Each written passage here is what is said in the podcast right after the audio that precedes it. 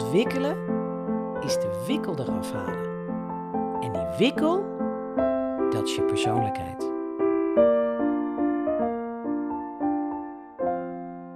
Welkom bij de podcast van Enya Wise over persoonlijke ontwikkeling.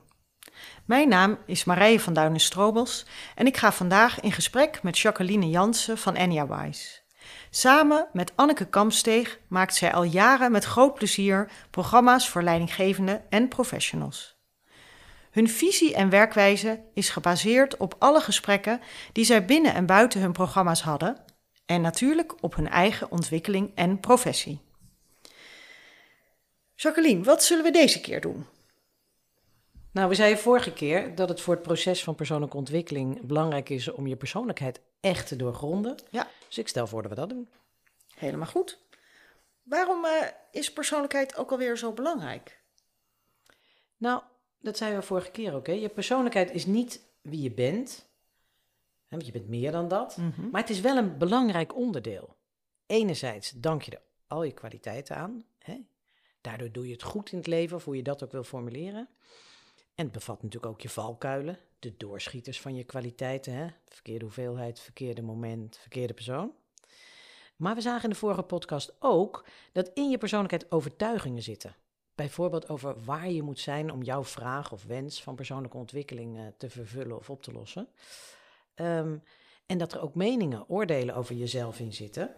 Ja. Die, en die zitten je in de weg als Ja. je je wil gaan ontwikkelen. Dus persoonlijkheid nou, heeft zijn goede kanten voor jou, maar er zitten dus ook dingen in waar je gaandeweg last van hebt. Omdat je daardoor niet geneigd bent om naar binnen te keren.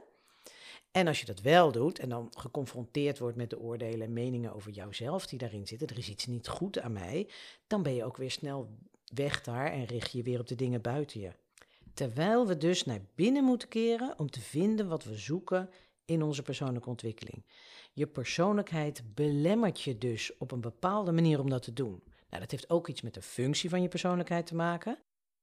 En we willen dus onze persoonlijkheid op een zachter pitje krijgen, of een beetje uit, niet weg, om zo onze persoonlijkheid, persoonlijke ontwikkeling vorm te kunnen geven. Maar wat is dan precies die functie van persoonlijkheid? Nou, er is een filosoof die dat prachtig zegt, Alain de Botton. Het grootste deel van wat we persoonlijkheid noemen bestaat uit hoe we geleerd, gekozen hebben om om te gaan met angst en verdriet. We hebben onze persoonlijkheid, volstrekt onbewust trouwens, opgebouwd om goed door het leven te gaan. Onder andere door met de lastige, voor jou dan, hè, dat is voor iedereen verschillend, dingen van het leven te leren omgaan. Kijk, en de lastige dingen, want de leuke dingen hebben we dan meestal geen hulp bij nodig. Hè? Die mogen gewoon komen. Dus er zit een bepaalde opbouw in onze persoonlijkheid, zeg je. Kun je daar iets meer over vertellen? Ja, je persoonlijkheid is een geheel of systeem, wij gebruiken vaak het woord systeem, van samenhangende patronen en drijfveren die gebaseerd zijn op een diepe basisovertuiging over het leven of de wereld, of hoe je dat ook wil noemen. Die heb je niet als je geboren wordt, die gaat zich daarna ontwikkelen in een uh, ingewikkeld samenspel tussen aanleg en, en de gebeurtenissen. En dan heb ik het niet per se over grote gebeurtenissen. Dat kunnen ook, misschien zelfs wel vooral, heel veel kleine gebeurtenissen zijn. De triviale dingen, zal ik maar zeggen. Oké. Okay. En als we geboren worden, dan hebben we een soort eenheidsbewustzijn. En dat betekent eigenlijk dat we geen onderscheid maken tussen onszelf en de omgeving, jou en uh, je primaire verzorger. Uh, nou, het is één grote oersoep, zeg maar. Mm -hmm. um, we hebben dan dus ook geen persoonlijkheid. Oké. Okay. Dat komt later. Dus die komt pas later. We hebben wel aanleg voor uh, bepaalde aspecten van onze persoonlijkheid. Waaronder een soort speciale gevoeligheid voor een bepaald aspect van het leven. En dat zou bijvoorbeeld kunnen zijn goed fout, of conflict, of veiligheid, of het diepe gevoel van niet gewaardeerd worden of niet in je behoeften voorzien worden. Dat soort dingen. Daar zijn ja. we gevoelig voor. Ja, ja en dan zou ik misschien denken van, nou ja, ik herken ze allemaal wel. Mm -hmm. Dat is misschien ook zo. Maar als je erover nadenkt, is er ongetwijfeld eentje waar je gevoeliger voor bent dan voor de andere en die daarmee eh, meer lading krijgt gaandeweg en daarmee meer eh, invloed heeft op jou, de ontwikkeling van jouw specifieke persoonlijkheid. En die gevoeligheid leidt uiteindelijk, en ik zeg het zo, het is niet iets wat uh, volgt tijdelijk en in brokjes komt, van nu dit en dan dat. Maar het is steeds een soort ingewikkeld samenspel waarin het nou, gaandeweg zich steeds verder uitkristalliseert. Snap je wat ik bedoel? Ja. Dus die, en die gevoeligheid leidt uiteindelijk tot een soort basisovertuiging over het leven of de wereld, die de bodem is, de basis is van jouw specifieke persoonlijkheid. Oké. En als voorbeeld zou je kunnen denken aan als je de gevoeligheid voor bijvoorbeeld conflict, hè, als dat jouw Mhm. gevoeligheid is, wordt uiteindelijk een basisovertuiging: de wereld is een plek die conflictueus is. En daar kan ik niet zo makkelijk mee uit de voeten. Nou, niet zo makkelijk, slecht mee uit de voeten. Of de gevoeligheid voor veiligheid kan leiden tot een basisovertuiging over de wereld dat die niet veilig of betrouwbaar is. En hoe doe ik dat dan? Of de gevoeligheid voor het niet gewaardeerd worden, niet zomaar gewaardeerd worden voor wie je bent, kan leiden tot een soort basisovertuiging over het leven. Waardering is iets wat niet vanzelf komt, maar waar je dus iets voor moet doen. Dus dit zijn voorbeelden van die basisovertuigingen. Ja. ja. Nou, en, en gaandeweg ontstaan de kernelementen van, jou, van jouw persoonlijkheid. En daar moet je steeds even bij in gedachten hebben dat die soort van parallel loopt met jouw bewustzijnsontwikkeling. Dus die zijn Ja. gekoppeld ook aan waar jij in jouw bewustzijnsontwikkeling bent, die zich gaandeweg van eenheid naar wat we noemen dualiteit ontwikkelt. Dus gaandeweg ga jij het besef krijgen dat je niet één bent met de wereld om je heen, met te beginnen met je primaire verzorger en, nou ja, en dat breidt zich Dus zo uit. ja. Dus elk element van je persoonlijkheid ontwikkelt zich in een bepaalde fase en kristalliseert zich dan daarna uit. Hè? Dus het eerste element, zal ik maar zeggen, ehm, ontwikkel je of ontstaat in een tijd dat je bewustzijn nog maar net op weg is om van eenheid naar dualiteit te gaan.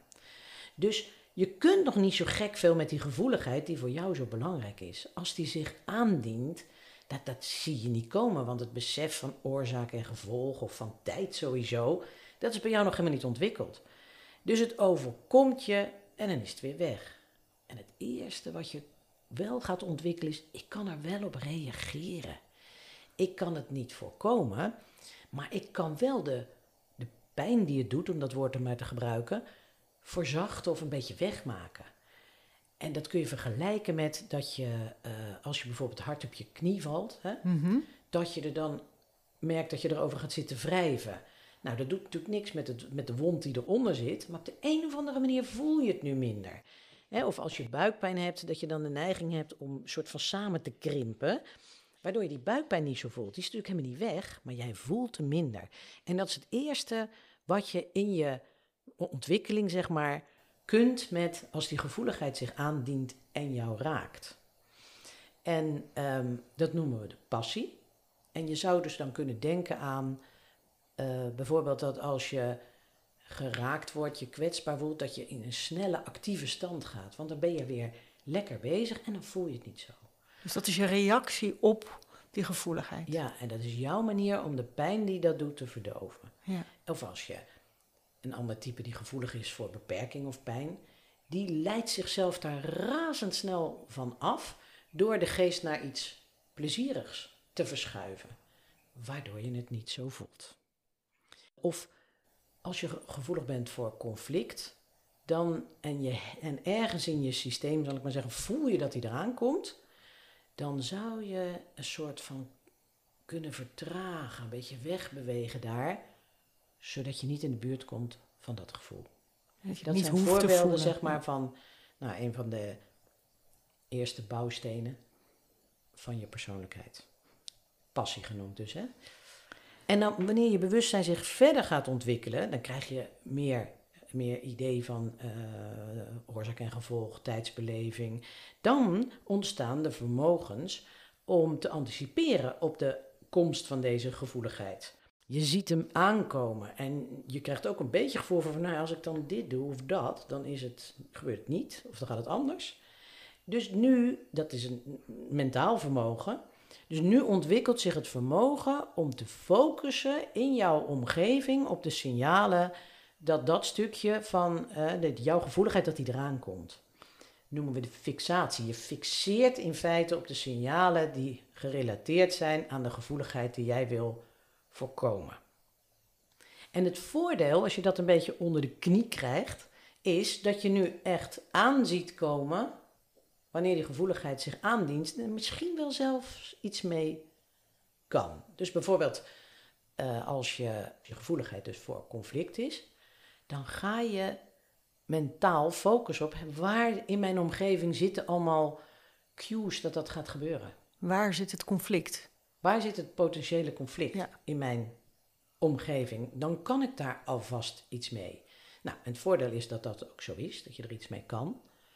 Het nadeel is dat je nu, doordat je gaat focussen op bepaalde elementen van je omgeving en die als het ware gaat highlighten, dat je dan dus andere dingen niet meer zo ziet. Dus nu begint een soort vervormde kijk op de wereld, namelijk jouw relevante selectie, die namelijk gekoppeld is aan jouw basisovertuiging over het leven. Zo gaat het systeem dus gaandeweg zichzelf versterken. En op een gegeven moment gaat het allemaal best goed, maar het wordt niet waterdicht.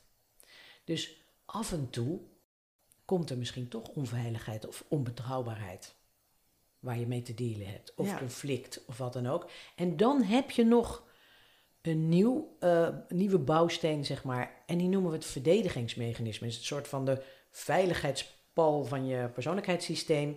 Dat als het toch kraakt en die gevoeligheid dient zich toch aan, ondanks wat je er al aan gedaan hebt, nogmaals, volstrekt onbewust, dan helpt je verdedigingsmechanisme om het systeem weer in balans te krijgen. Dus bijvoorbeeld bij een gevoeligheid voor pijn en beperking helpt rationalisatie om er iets anders van te maken, waardoor je het weer niet meer zo voelt. Nou, en dit gaat zo door, dit ontwikkelt zich verder, je persoonlijkheid dus, uh, totdat gaandeweg nou, jouw basisovertuiging eigenlijk dus niet meer een overtuiging is, maar voor jou de werkelijkheid is geworden. Jouw bepaalde specifieke selectie van de werkelijkheid is voor jou de werkelijkheid geworden. En je gevoeligheid heeft dan tegen die tijd ook een enorme lading. In de psychologie heet dat de primaire verwonding. En die lading is zelfs zo groot dat het echt iets heeft van: ik wil hier met vier hoeven en een staart niet naartoe, want ik weet niet hoe ik dit moet doen.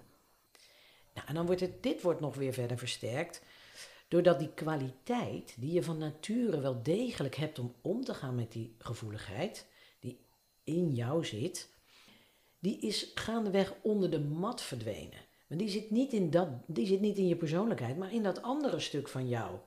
En in je persoonlijkheid is die helemaal aan het zicht onttrokken. En dan krijg je, dan zal je ook nog zien dat als je gaat kijken, dat je persoonlijkheid in feite een soort van nabootst, een, een soort van idealisatie wil laten zien van hoe die kwaliteit eruit ziet. Dus bijvoorbeeld diegene met de gevoeligheid voor conflict. Ja. Laat uiteindelijk een persoonlijkheid zien die uh, straalt van harmonie.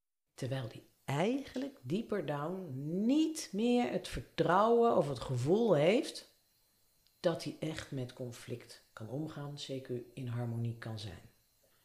Dus dat noemen we de idealisatie in je persoonlijkheid. Met je persoonlijkheid boots je als het, feit, als het ware na die kwaliteit die je in het dagelijks leven deep down niet meer zo voelt, omdat de verbinding daarmee uh, niet verbroken is, maar wel uit beeld is. Dus je beschrijft nu verschillende bouwstenen hè, die met elkaar een heel gelaagd geheel of systeem van uh, patronen en drijfveren maken. En dat is je persoonlijkheid. En die is gebaseerd op die diepe overtuiging over de wereld en wat je daarin per se niet wilt ervaren. Ja, dat klopt. En die heeft zich dus in feite ten diepste ontwikkeld om jou te beschermen. Om jou te beschermen tegen die gevoeligheid die voor jou zo belangrijk is, door in actie te komen wanneer die gevoeligheid uh, nou, opdreigt uh, te komen dagen. En jouw persoonlijkheid doet dat zo goed, zo gaandeweg, mm dat jij daar ook al je kwaliteiten aan dankt. Waardoor je het ook goed doet in het leven, om het zo maar te zeggen. Je bent er heel goed in geworden. Jij bent er heel goed. Oefening baart echt kunst. Ja. Maar je persoonlijkheid doet dit ook zo snel, proactief en zo goed, dat er een deel van jou uit beeld raakt. Dat deel waar we het ook vorige keer over hadden, wat je meer bent dan persoonlijkheid. Alsof het er niet meer is zelfs. En alsof jij, en dat, dat denken we misschien ook wel lange tijd, in feite je persoonlijkheid bent en niks meer dan dat, dat je ermee samenvalt. Dus dat stuk van jou, wat je veel meer bent dan persoonlijkheid, dat verdwijnt onder de mat.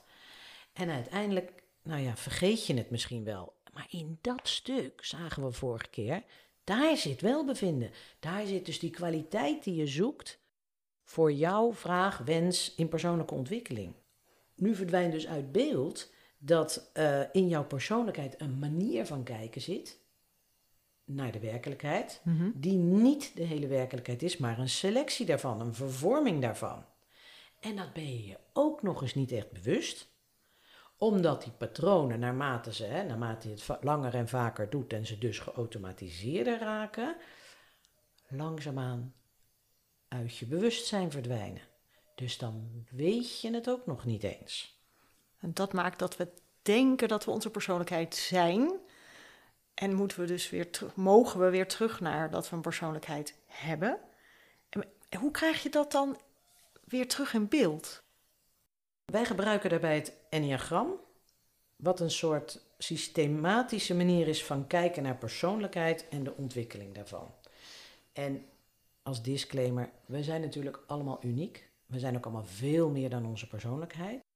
In die persoonlijkheid kun je wel degelijk type persoonlijkheden onderscheiden.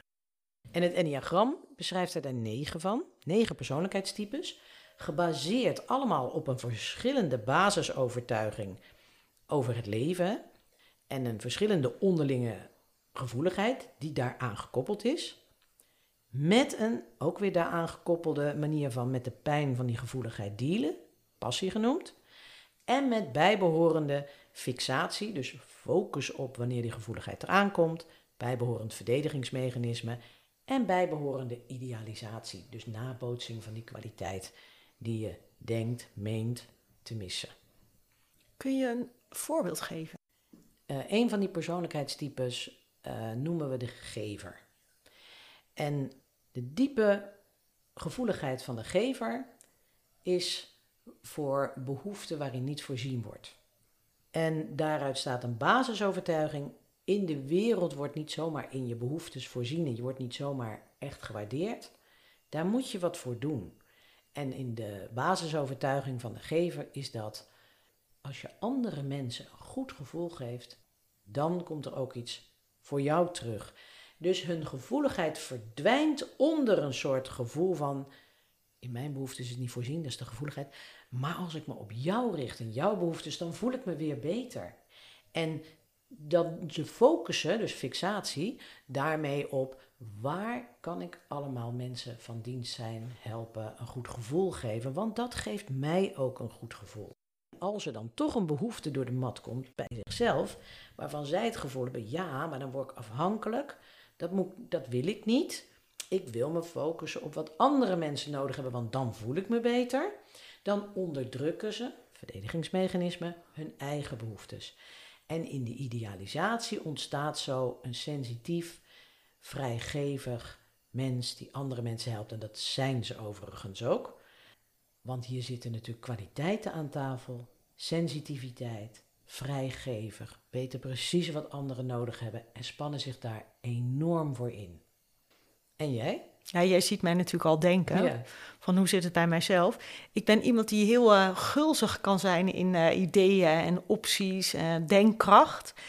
En wat ik daarmee doe, eigenlijk is wegbewegen van als het saai wordt of als ik me beperkt voel.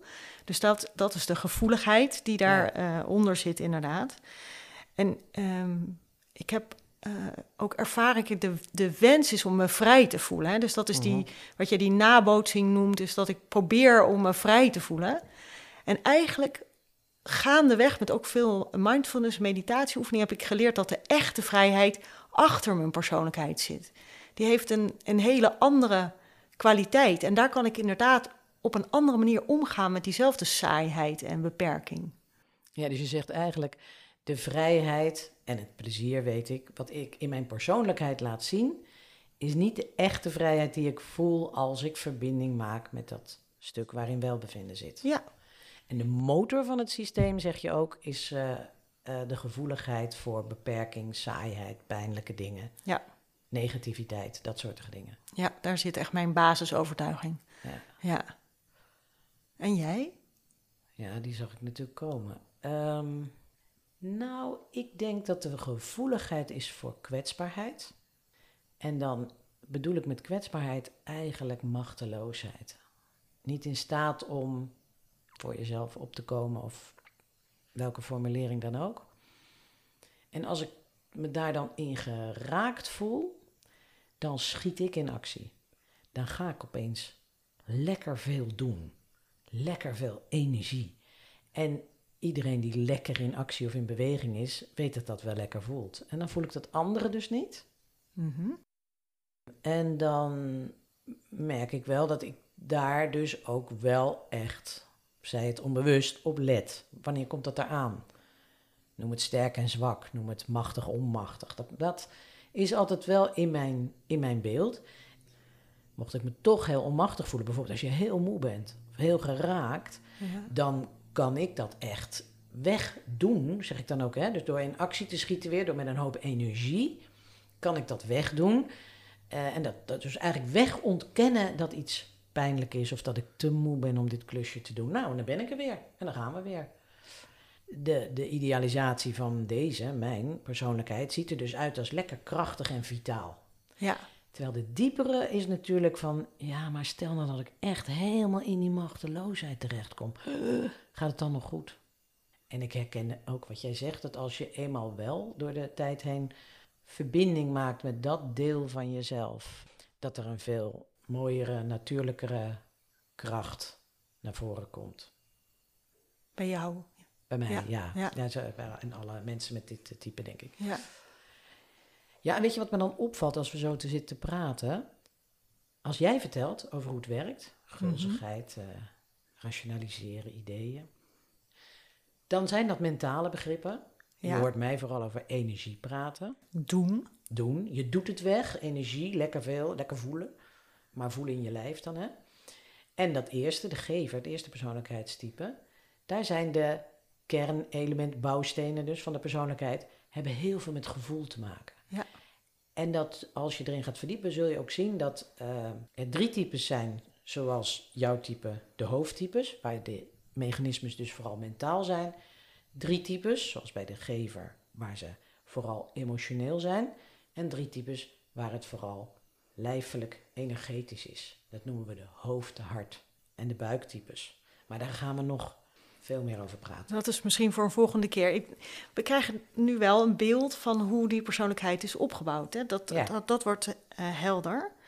Ik hoop het. Ehm, maar daartussendoor schemert ook al, ook in onze voorbeelden, denk ik, het dan nog niet zo makkelijk is om erachter te komen hoe het dan voor jezelf werkt. En ook hoe je dan die persoonlijkheid op een zachter pietje kunt zetten. Ja, het feit dat je persoonlijkheid hè, zo snel en stevig, proactief in actie komt, dat eigenlijk al voordat die gevoeligheid zich aandient meestal, maakt dat een bepaald deel van jou gaandeweg minimaal aan het zicht onttrokken wordt, zeg maar. En die doet dat ook nog eens op een uiterst overtuigende manier, omdat jouw basisovertuiging over het leven eigenlijk steeds meer bevestigd wordt door ook jouw selectieve manier van naar het leven kijken, die die basisovertuiging eigenlijk bevestigt. En dan is dit alles ook nog eens een keer, hè, eh, door het vele oefenen, zal ik maar zeggen, door het vele herhalen van die patronen, steeds onbewuster geworden, zodat jij helemaal niet meer weet dat jij niet de hele werkelijkheid ziet, maar jouw selectie ervan. Sterker nog, je weet niet eens meer vaak dat die patronen, eh, dat, dat die patronen aanslaan. Dat gaat allemaal vanzelf, dat wordt vanzelf geregeld. En dan zitten er ook nog eens in je persoonlijkheid, diep in je persoonlijkheid, overtuigingen, waar we het al eerder over hadden, die haak staan op wat er dus in feite moet gebeuren, namelijk naar binnen keren en toelaten langs je persoonlijkheid heen. Nou, dit tezamen maakt het dus wel lastig om je persoonlijkheid echt goed te doorgronden. Want dan moet je hem echt eerst in je bewustzijn halen.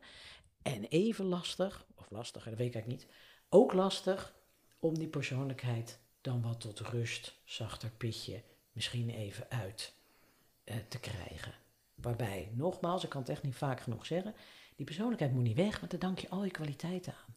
Maar af en toe, nou liefst steeds vaker, willen we er wel even langs kunnen naar die wereldbewustzijn daarachter. Dus dat is nog niet zo makkelijk hè, om dat te ontraven. Hoe, hoe, hoe doe je dat dan? Ja, eerst dus echt kijken. Hoe ziet mijn persoonlijkheid eruit? Welke van de negen persoonlijkheidstypes heb ik? Zodat je je eigen type kunt herkennen en verkennen. En dat geeft echt van meet af aan, van het begin af aan al inzichten waar je wat aan hebt. Handvatten om stappen te nemen met vragen die je hebt, dingen waar je uh, last van hebt of die je wil ontwikkelen, of hoe je het ook wil noemen. En het geeft ook meteen rust. Oh, dit is een persoonlijkheidstype. Oh, dat werkt zo.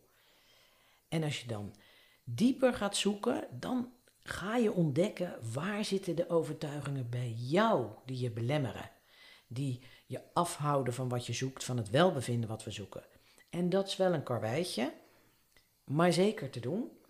Dit is wel, maar wel doorzetten, doorzoeken. Zodat je uiteindelijk daar de handvatten vindt om jouw specifieke persoonlijkheid op een zachter pitje te krijgen. Dus als je wil weten welk persoonlijkheidstype je hebt. Ja, dat wordt dus deze keer de cliffhanger.